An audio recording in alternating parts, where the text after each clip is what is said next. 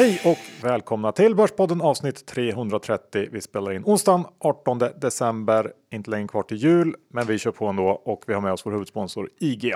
Det har vi och eh, det är ju så idag vinstvarnade Bang Olofsson SSAB gjorde det också. Och eh, det är ju otroligt viktigt att ha blankningsvapnet i sin eh, eh, tillgång till det helt enkelt när man är trader. IG har ju en fantastisk app på telefonen där det är lätt att skjuta iväg sina orders. Eller hur Johan? Ja, men så är det ju. Och det är väl bra att förbereda sig för för eventuella nedgångar nu. Det har inte varit kanske det bästa vapnet att ha sista månaden, men efter solsken kommer regn. Ja, så är det. Och det regnar ju varje dag här. Och dessutom signa upp er på Erik Hanséns morgonbrev. Ypperligt eh, hög kvalitet på det. Så är det. Idag blir det såklart vinstvarningar. Du var inne på det. Det har kommit en hel del. Vi kommer snacka eh, väder, eh, insiderförsäljningar. Eh, vad har du mer? Ja, vi har lite Brexit, vi har lite julfester och eh, vi har även lite Marlo Stanfield. Mysigt. Låter som ett bra avsnitt. Vi kör igång. Johan Dr. Bass Isaksson index i 1790 och eh, det är ju inte direkt bassigt med sju dagars uppgång i rad har jag för mig. Vad har du att säga? Det har du helt rätt John. Det känns som att den här inledningen har vi kört nu ett antal gånger. 330. ja, ja, men det har väl. Det har ju ångat på uppåt här pådrivet av förnyad handelsavtalsoptimism och eh, jag tycker att det här handelskriget är ett genidrag av Trump. Det har blivit någon slags modern version av den här grisen Särimner. Mm, det där har du ju googlat eller? Nej, jag gick ut lågstadiet och, och ja, på den vägen. Nej, men, um, det verkar som att man kan utvinna hur mycket börsuppgång som helst ur det här handelsavtalet och jag, vet inte, jag tycker att det är fascinerande helt enkelt. Men det som utmärker årets uppgång, eh, nu ligger väl runt 30 procent, det är ju faktiskt multipel expansion för det är värderingarna som har stigit och inte vinsterna. Vinsterna har faktiskt mer eller mindre legat still och man behöver inte fundera särskilt länge på vad som drivit på det här eftersom vi varje dag liksom matas med det här TINA argumentet. Eh, men jag såg att i USA är faktiskt gapet mellan vinster och värdering det största någonsin nu. Eh, större än under it-bubblan och det är väl ändå lite läskigt oavsett hur låg räntan är. Ehm, och jag har faktiskt också gjort min eh, kvartalsvisa channel check där ute i den svenska industrimyllan. Eh, vad tror du jag har fått uh, reda på? Nej, men jag undrar ju vilka du pratar med, men det är väl inte jättepositivt? Nej, men det är väl, jag skulle säga så här. Mitt intryck är att läget är mer eller mindre detsamma nu som i augusti eh, när OMX stod i 1500 eller ja, ungefär, ungefär som det varit hela året. Det tuffar på, men det liksom sticker inte iväg varken uppåt eller neråt. Eh, det är mitt intryck så att vi får se. Det känns som att förväntningarna kanske har gått lite för långt i en del bolag här när vi börjar nå eh, Q4 rapportperiod. Det blir spännande. Ja, det är lite spännande också tycker jag att eh, visserligen förväntar väl sig alla att vår kära Ingves ska höja räntan imorgon, men i USA eh, snackas det mer om att eh, räntan är på väg ner så att eh, det finns fortfarande kanske möjligheter till ytterligare expansion. Ja, möjligt. Du, eh, Brexit Ja, den närmar sig nu med stormsteg här när Bojo krossade i valet och eh, i princip alla i Sverige har ju under lång tid berättat över hur dåligt det här kommer vara för Storbritannien själva, att vi vet bättre än dem. Eh, men det är möjligt att det här kommer vara precis eh, tvärtom oavsett vad alla experters olika ekonomiska modeller säger. För det som är absolut viktigast är ju hur folk tror att det kommer bli. Tror britterna att det är bra med Brexit så kommer deras framtidsutsikter att stärkas och då kommer de att våga köpa mer saker, jobba hårdare satsa på egna företag och ja, förmodligen föda lite mer barn. Det är ju ja, lite Jononomics över det här resonemanget, eh, men ändå. Eh, det är som med börsen. Eh, tror man bara att på det man gör så kommer det att gå bra till slut, Johan. Jag tycker du har en bra poäng där. på tal om att tro på sig själv, Marlo Stanfield trodde väl ändå på sig själv? Ja, men det kan man väl lugnt eh, säga. Han är ju lite av min favoritkaraktär i serierna genom tiderna. Och det är ju, jag vet vem det är förresten? Ja, men det är ju uh, den här killen från The Wire. Jag körde pannband också. Jag tror jag ska börja med det. Eh, knarkbossen. Och eh, ett av hans favoritcitat var ju att the game is the game. Lite mer basröst på honom. Men, eh, och det betyder att varken, det är varken något bra eller dåligt, utan bara att eh, hans jobbval är så självklart att det finns där jämt. Och så är det lite med aktiemarknaden också. Eh, beroendeframkallande helt klart. Så nu när jag läste att Patricia Hidelius, som varit lite av en skjutjärn här eh, på SvD, har gått över till AMF för att bli fondförvaltare så stärkte det lite min tes här att ekonomijournalister egentligen vill vara där det händer istället för att skriva om det som händer. Eh, och det är ju faktiskt eh, förståeligt. Man vill ju hellre vara Ronaldo än att skriva om eh, Ronaldo. Eh, men jag tror ju faktiskt att journalister generellt eh, groteskt överskattar sin egen eh, kompetens. Vi kommer ju alla ihåg när Affärsvärlden-fonden startades med buller och bång. Eh, deras torrportfölj hade ju gått fantastiskt eh, bra. Eh, men det är lätt att prestera på pappret, men det visade sig vara förnedrande svårt att prestera i verkligheten. Och ja, Affärsvärlden-fonden fick ju skrotas tillsammans med många drömmar om att bli förvaltare. Ja, ligger nog någonting i det du säger. Annars hade jag inte sagt det Johan. Nej, Nej så, sån är ju du. Men John, vi är ju eh, svenskar också, eller hur? Ja, det har jag för mig. Ja, och då måste vi prata lite om vädret. Eh, för vädret de senaste månaderna måste ju ha slagit någon slags rekord i pissighet. Ja, det tror jag regnat 97% av alla dagar i Q4 och eh, fundera lite på vilka bolag eller branscher har påverkats, påverkats av det här, om några alls. Har du några? Eh, det är alltid mycket snack om väderpåverkan under sommaren, eh, men hur är det egentligen så här under vinterhalvåret i Q4? Nej, men det är ju alltså helt rätt där. Det känns som grundvattennivåerna är återställda nu, annars kommer de aldrig att bli det. Eh, men några bolag jag tänker på så här spontant är ju Mekonomen, eh, är ju ett sånt bolag som eh, ofta brukar prata om vädret. Det är mindre krockskador, det är mindre frysskador för det har varit varmt med. mindre försäljning av andra saker som jag inte riktigt vet vad det är. Men sen är det ju kläder är det inte bra för. Det är ju vantar, jackor, skor. Ungarna kör ju mest gummistövlar nu. Eh, från i somras. Eh, sportbutiker är det dåligt för. XXL lär inte ha det krispigt. Phoenix Outdoor. Eh, Clas Olsson kanske säljer mindre spadar, kanske säljer sjukt mycket tejp när alla barn ska sitta inne och pyssla. Jag vet inte Johan. Eh, det det borde vara bra för, får jag säga några sådana med? Ja, gärna. Det är ju fastighetsbolagen. Det är inga kostnader för eh, skottning eller isröjning, låga uppvärmningskostnader. Eh, byggbolagen kan också fundera lite på om det är bra för, för att de kan ju bygga nästan varje dag utan avbrott av eh, snö eller liknande. Och eh, även bolag där man sitter inomhus, typ gamingbolag och bettingbolag.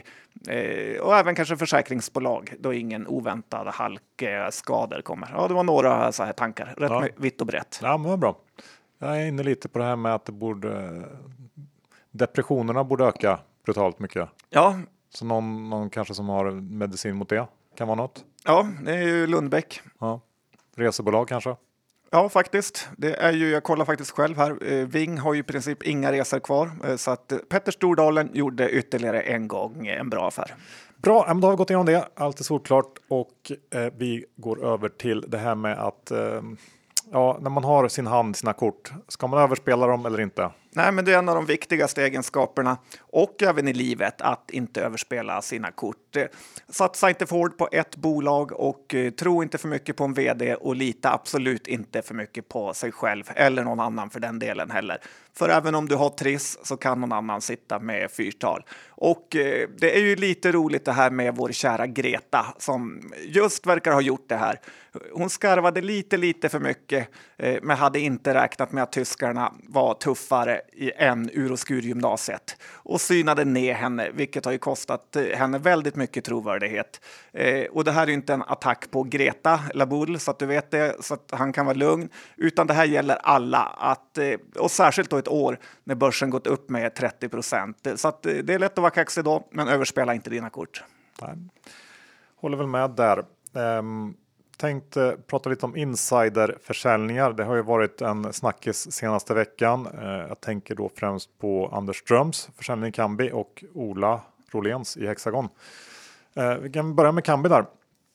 Eh, Kambis aktie åkte ju på en rejäl smäll när det visade sig att Ström då hyvlade av en sjättedel av sitt innehav och hur ska man tänka här då? Jag har noterat att det spekuleras ganska friskt på Twitter kring hans försäljning och personligen eh, i alla fall så tror jag att man kanske inte ska dra allt för stora växlar kring den här försäljningen även om eh, man får ju säga att insiderförsäljningar aldrig är kul, speciellt inte när det kommer från en huvudägare.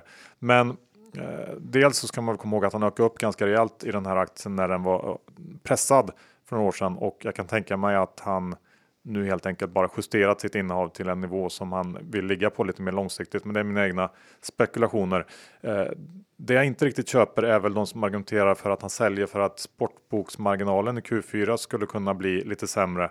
Ehm, den här marginalen den fluktuerar ju över tid och mellan kvartalen så rör den sig ganska mycket, men det säger ju egentligen ingenting om den underliggande verksamheten. Så att om man nu är inne på det spåret, att han säljer för att det är någonting som går dåligt, så, så är det ju, eh, ja, då tror jag att det behöver vara någonting som är betydligt värre än en, än en kass eh, sportboksmarginal i Q4. Det är liksom för kortsiktigt. Eh, men det tror jag inte heller, utan jag, jag, ja, jag tror helt enkelt att det är någonting som man får lite tugga i sig och så tror jag det blir bra i längden. Och när det gäller Ola då? Ja, får jag säga ehm, några kommentarer där? Ja. Jag tycker ju, det var ju lite synd för Kambi-aktien. Den hade ju otroligt eh, momentum, hade förmodligen varit en bra bit över 200 om det här inte hade hänt. Så att eh, det var ju lite momentum dödare faktiskt, vilket eh, var synd. Och det ska väl vara lite negativt också att insiders försäljer eller säljer. Mm. Så men jag tror väl lite som du där, det är inte värt att övertolka. Man måste få casha hem lite också.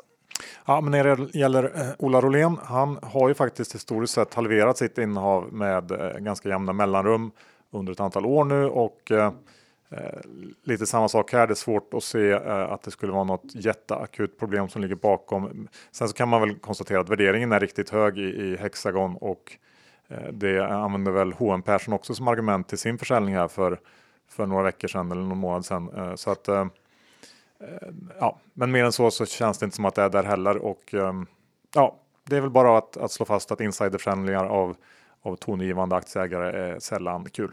Nej, men vad gäller Hexagon så tror jag att det är betydligt värre än så faktiskt. Jag tror att Ola har, är på väg att lämna här inom ett tag och han hyvlar ner. Eh, han har ju kämpat på länge och troget för Hexagon och eh, även fått eh, kämpa, utkämpa lite bataljer vid sidan om. Så att, ja, det är nog möjligt att han börjar göra sig i ordning för en eh, soft eh, pension här och eh, därför hyvlar han av. Jo, men så, så kan det ju absolut vara. Nu gick han väl från ungefär 300 miljoner i, i värde till 150. Eh, visst, men det är ju samtidigt, jag tror inte att det kanske har så mycket att göra med, med vad som händer i själva Hexagon. Men visst, att han kan vara på väg bort. Det och det är ju absolut inte positivt. Nej. Uh, nu vill jag höra om julfester. Det här är ju ett stående inslag varje år. Uh, jag antar att du John, har varit på ett antal sådana. Ja, och det har väl du med. Och Eh, jag får ju känslan av att jag börjar bli som Paul Gascoigne. Och då menar jag inte fotbollsspelaren Gasa utan mer eh, festprissen Gasa som kan vara ute på en sån 30 dagars eh, bänder. Eh, så hittar The Sun honom i, under någon bänk. Eh, nej, men det är december och det är ju väldigt mycket julfester inom finansbranschen då och det är inte många vi har tackat eh, nej till, eller hur? Nej. En höjdare eh, var ju när vi själva här på kontoret hade vår egna lilla tragiska julfest och eh, av en slump eh, stötte på en eh, storbanks mäklarjulfest som då slutade på Café Opera med fem liters flaskor vodka och eh, mängder med skumpa.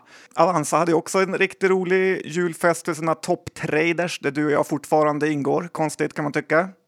Ja, verkligen. Och eh, ja, inte så konstigt. Men där eh, var det en snubbe som faktiskt berättade för mig att han hade gjort en trade i ett illikvitt bolag och tjänat eh, fyra papp. Och sen fick han en nota från Finansinspektionen på 400 000 i böter. Som man i och för sig vägrade att betala cred till honom för det. Men det är ju något helt fruktansvärt sinnessjukt med det här maktmissbruket som FI håller på med. Slutligen Johan, så kunde jag inte gå på Nordnets julbord i år faktiskt. Eh, men tydligen var det en stor bojkott av deras julbord eh, på, av alla traders eh, på grund av allt eh, teknikstrul eh, de haft. Så det är inte särskilt bra betyg för Nordnet. Det var en kort rapport från festligheterna i Stockholm. Vi är också sponsrade av Revolut och eh, ni vet, det här är ju ett kort kopplat till en app. Det är den nya generationens kort och eh, ett kort som har då massor av smarta funktioner och eh, ja, bland annat också inga växlingsavgifter när man är utomlands. Eh, ja, massa grejer som är bättre än de befintliga. Ehm, och ni vet att man eh, då via vår länk får 200 kronor insatta på kort om man eh, blir medlem och knappar hem ett kort eh, och sen aktiverar det här kontot med att stoppa in 100 kronor själv. Det här, den här dealen den gäller fram till 20 december så att eh, har man inte signat upp sig än så tycker vi verkligen att man ska passa på att göra det eh, nu innan eh, den sjunker till 100 kronor istället. Eh, den här insättningen som man får. Och eh, ja, det är inte så mycket att fundera på. Eh, både du och jag John kör metallkortet och är väldigt nöjda med det, eller hur? Ja, verkligen. Det är extremt bra att eh, safea bort sitt egna lilla debit card och istället ha det här kortet. Ja, det finns ju faktiskt många smarta säkerhetslösningar med virtuella kort och, och engångskort och så vidare. Eh, så att för att ta del av den här eh, dealen eller ja, gratispengarna gå in på Revolut Borspodden i ett ord.com snedstreck revolut. Länken finns på Twitter. Yes.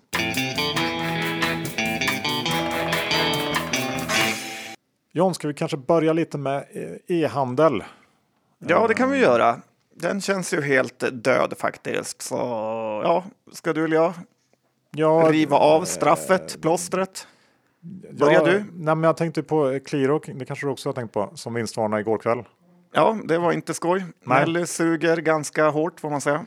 Det får man säga om man vill. Eh, varnar väl för att resultatet i Q4 för Nelly blir negativt och det är liksom höga lagernivåer som har lett till utförsäljningar och, och ja, aktien ner 13-14% idag eh, på morgonen.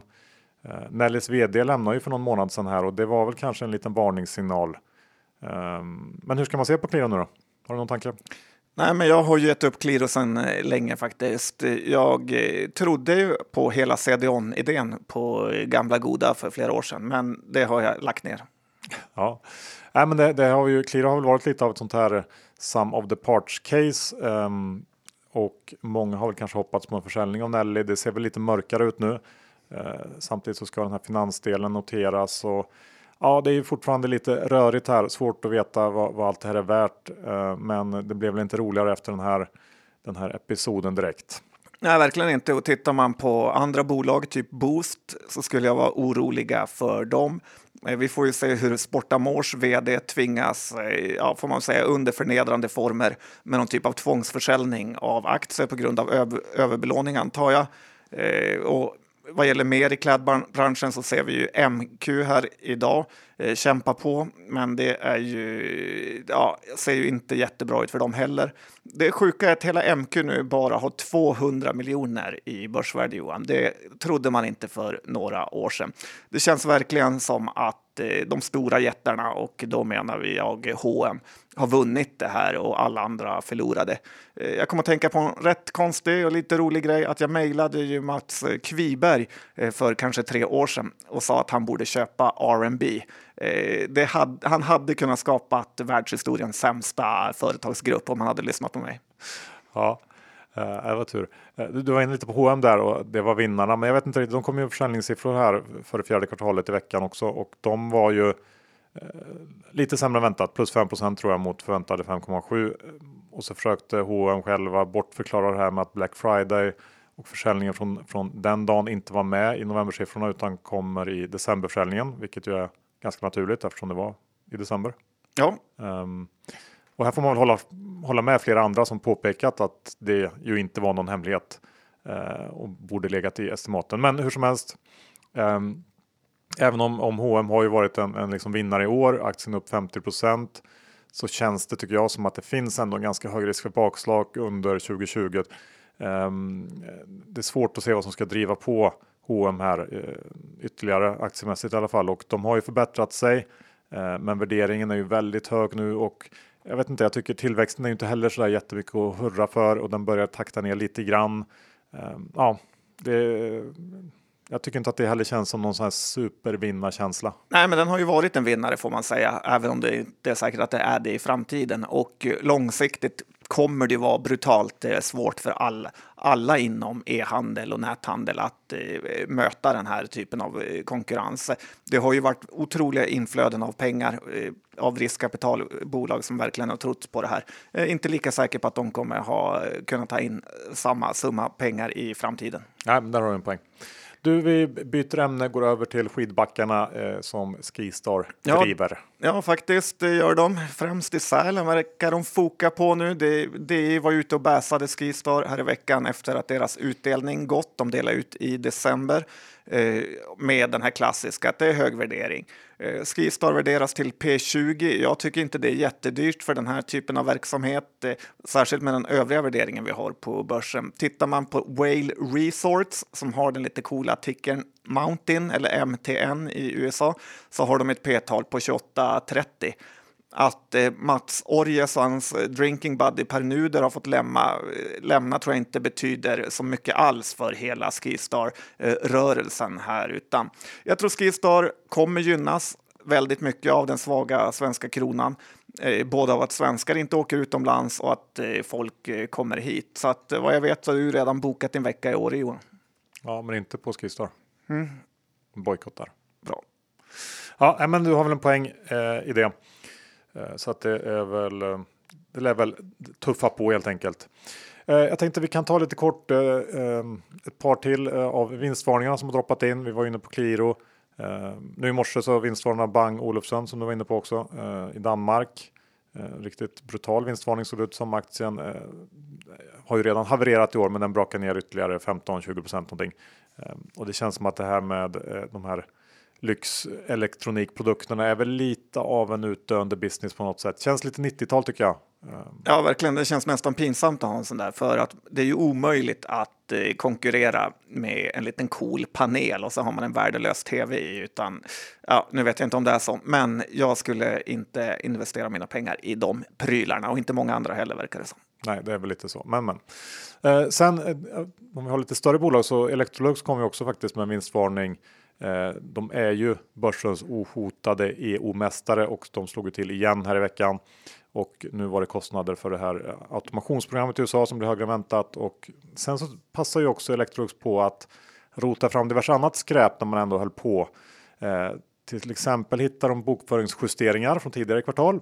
Eh, och sen så var det någon lagerminskning hos en större amerikansk kund som också drar ner resultatet. Och kontentan av det här är väl att kostnaderna 2020 blir betydligt högre än väntat och att det här de här kostnadsbesparingarna man räknar med, de, i stort flyttas de fram till 2021 istället för 2020. Och eh, de prognoser som jag har sett har väl justerats ner med knappt 10% för både innevarande och eh, nästa år. Aktien tappar 10% på det här, eh, men studsade upp lite igår. Jag vet inte hur den går idag, men eh, det är ändå intressant hur sådana här grejer ändå relativt smärtfritt eh, flyter förbi i storbolag. För om det här hade varit ett mindre bolag så hade den här mängden av skit som Electrolux ändå valde att plocka fram nu satt rejäla förtroendespår i kursen. Men, ja, men nu tappar man ungefär i linje med estimatjusteringarna och sen så är det bra med det. Ja, och eh, det är lite kul tycker jag att många experter där ute har varit och eh, uttalat sig om att det här är ett avknoppningscase som man verkligen vill komma åt den här eh, lite mer industriella delen i Elux. Eh, det är, förblir ett eh, dåligt avkastande bolag för aktieägarna och ja, det ingen, finns ingen nytta av ägare här. Nej, då tycker jag vi byter ämne och går över till någonting som är betydligt mer högavkastande och då tänker jag på Labulls årsrapport. Ja, han har ju skrivit den här numera klassiska årsrapporten som man brukar skriva varje år och eh, beskriver lite hur hans år har varit och i år har det varit eh, extremt bra. Eh, mycket tack vare hans eh, case i, som är Surgical Science. Eh, och det roliga var här att jag var med på den här introduktionen och eh, även när de presenterade bolaget på Penser. jag och Capital stod och testopererade med deras maskin eh, och jag kände att det här är riktigt eh, skräp. Eh, jag tror jag till och med så här gubbskrattade och tyckte lite synd om det här bolaget. En Jack Vegas-maskin med två saxar i sidan och sen ska man låtsas operera på en iPad i film. Vi hånade bolaget ordentligt om det inte har framgått.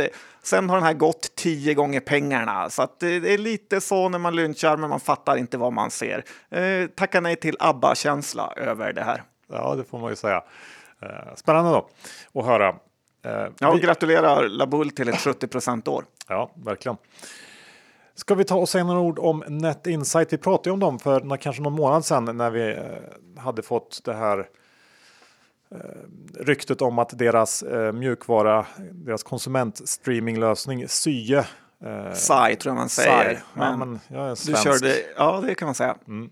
Eh, Sai då, eh, att den då fanns med i Amazons eh, ja, streamingprodukt helt enkelt. Och igår kväll så kom beskedet att Net Insight säljer eh, då den här delen av eh, bolaget eh, för 350 miljoner till eh, en, eh, ett amerikanskt bolag, ett Fortune 500-bolag och man får väl utgå från att det är Amazon som eh, har köpt den här delen. Eh, är det här bra eller dåligt? Nej, men jag tror ju personligen att det är eh, ganska bra. Eh, den här delen SAI har ju gått med jättestor förlust eh, och nu var ju Net Insight innan det här värt 850 miljoner så att då få 350 för något som bara kostat pengar tycker jag är ganska bra. Nimbra-delen är ju det som Net Insight är eh, mest känd för och deras bread and butter. Eh, jag tror att de kan tuffa på uppåt efter det här och bli lite av ett eh, kvalitetsbolag nu när de inte är så förlustdrabbade. Man ska ju dock komma ihåg att den här hypen, forumhypen, Eh, där det snackats om kurser på 10-15 kronor eh, för att eh, Amazon skulle köpa den här tjänsten eller licensiera den eller något. Kom, den tar ju bort drömmen i Net Insight. Och jag tycker ändå det är rätt intressant när jag läste lite här på forumen på morgonen hur relativt inkompetenta personer som inte egentligen vet någonting eh, är helt säkra på att de vet bättre än Net Insights ledning eh, för de tycker de har sålt det här för billigt. Och eh, Ytterligare en grej som stör mig lite är det här otroliga informationsläckaget eh, som ändå har varit och eh, att bolaget inte kunnat hantera det här eh, särskilt eh, snyggt. Vdn gjorde ju själv några jättekonstiga uttalanden i det om att det var kul att folk hade hittat till aktien eh, när det är så uppenbart att de har förhandlat länge om den här affären. Ja, um, nej, men jag håller väl delvis med dig. Samtidigt så var det väl det här. Den här delen var ju det stora framtidshoppet på något sätt och eh, jag såg att de skriver att man har investerat 215 miljoner i den här produkten och nu säljer man för 350. Det är ju inte någon fantastisk eh, avkastning om man ser det så, speciellt inte när de ändå har på något sätt fått en validering av den här och man har då Amazon som kund. Och, och, ja, jag vet inte, men, men visst, det kunde ju varit mycket, mycket värre och som du sa, jag såg att, att eh, Sai belasta eh, Net Insights ebit med 37,5 miljoner så här långt i år. Det är klart att det är väldigt mycket pengar. Efter det här så borde de kunna tjäna kanske 40 miljoner per år rullande sådär. Och eh, då är det väl inte superdyrt. Men eh, tillväxten i resterande eh, affär är ju inte heller någonting att hurra för kanske så att ja, det är väl någon slags eh, gnet eh, case nu då. Ja, och man slipper väl lite av den här nyemissionskänslan som alltid finns i Net Insight annars. Eh, som en sista tillägg här så såg jag att, att ABG slash då Introduce eh, värderade SAI i intervallet 46 till 46 miljoner till eh, 1,25 miljarder i sin sum of the parts värdering. Så att eh, ja, de klämde in sig i det tajta intervallet ändå får man ju säga. Ja, bra gjort av analytikern att vara så pricksäker. Ja, kul. Eh, Evolution Ja, de har haft bolagsstämma John. De kallar till den har jag för mig. Jaha. Och eh, för att ge ledningen täckningsoptioner. Eh, optionernas eh, lösen då kommer vara 125 procent 125 procent av bolagets volymvägda aktiekurs från och med den 30 december till den 15 januari. Och eh, om vi säger så här, jag tror inte att det kommer komma jättemycket positiva grejer i Evolution-aktien under den här perioden. Eh, Bodenholm Per har ju lärt oss vikten av att vara på rätt eh, sida av incitamentprogrammen. Så jag skulle inte våga köpa Evo innan den 15 januari. Men därefter tror jag att det kommer börja hända grejer. Då. Kanske. Mm. Ja, men sånt där eh, spelar ju större roll än vad man kanske tror. Och när du ändå är inne på eh, spel så eh, Spelinspektionen kom ju faktiskt i veckan med lite vaga förslag på hur man skulle kunna öka kanaliseringen. Det nya briljanta greppet går ut på att man tydligen ska ha en lista över de operatörer som inte sköter sig på sin hemsida och där ska då alla spelsugna surfa in först innan man spelar och kolla eh, då vilka som är dumma och rata dem själva. Ja, det är tufft gjort tuffa grabbar på spelinspektion. Jag är personligen lite småskeptisk till hur framgångsrikt det här kommer att vara, men eh, jag har eh, faktiskt också en mer intressant spaning från branschen och snackat med en storägare i ett onoterat eh, spelbolag, en onoterad operatör i veckan som sa att den svenska marknaden faktiskt under Q4 verkar ha vänt och man växer nu sekventiellt på månadsbasis för första gången under 2019. Man har tidigare då tappat omsättning varje månad från januari till någonstans Q4s början. Men nu har man börjat se växande siffror månad till månad och det ja, eh, en liten signal på att det kan kanske ha bottnat på då väldigt låga nivåer i Sverige. Ja, nej, men någon gång måste du göra det och eh, det har ju gått otroligt kast för många spelbolag och allt vad det heter. Så att eh, ja, förhoppningsvis vänder det och eh, nyårseffekten kan ju vara ett bra läge att plocka upp de här aktierna. Slut på avsnitt 330. Vi tackar vår huvudsponsor IG. Det gör vi. Ni vet att eh, de är väldigt duktiga på det här vad gäller blankning. Eh, deras app är eh, fenomenal och deras morgonbrev är också ett av marknadens bästa, helt gratis. Så är det, signa upp er. Sen så har vi ju då vår kära sponsor Revolut. Den här dealen med 200 kronor som man då får Eh, om man eh, signar upp sig och klickar hem ett kort och sen aktiverar sitt konto med att stoppa in 100 kronor. Det gäller fram till 20 december. Så har ni ännu inte nappat på det här, gör det.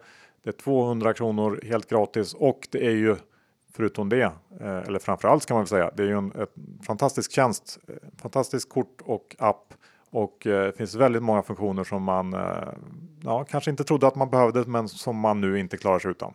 Nej, kolla på vår Twitter hittar du länken. Ja, Revolut, Bordspodden, ett ord.com snedstreck Revolut.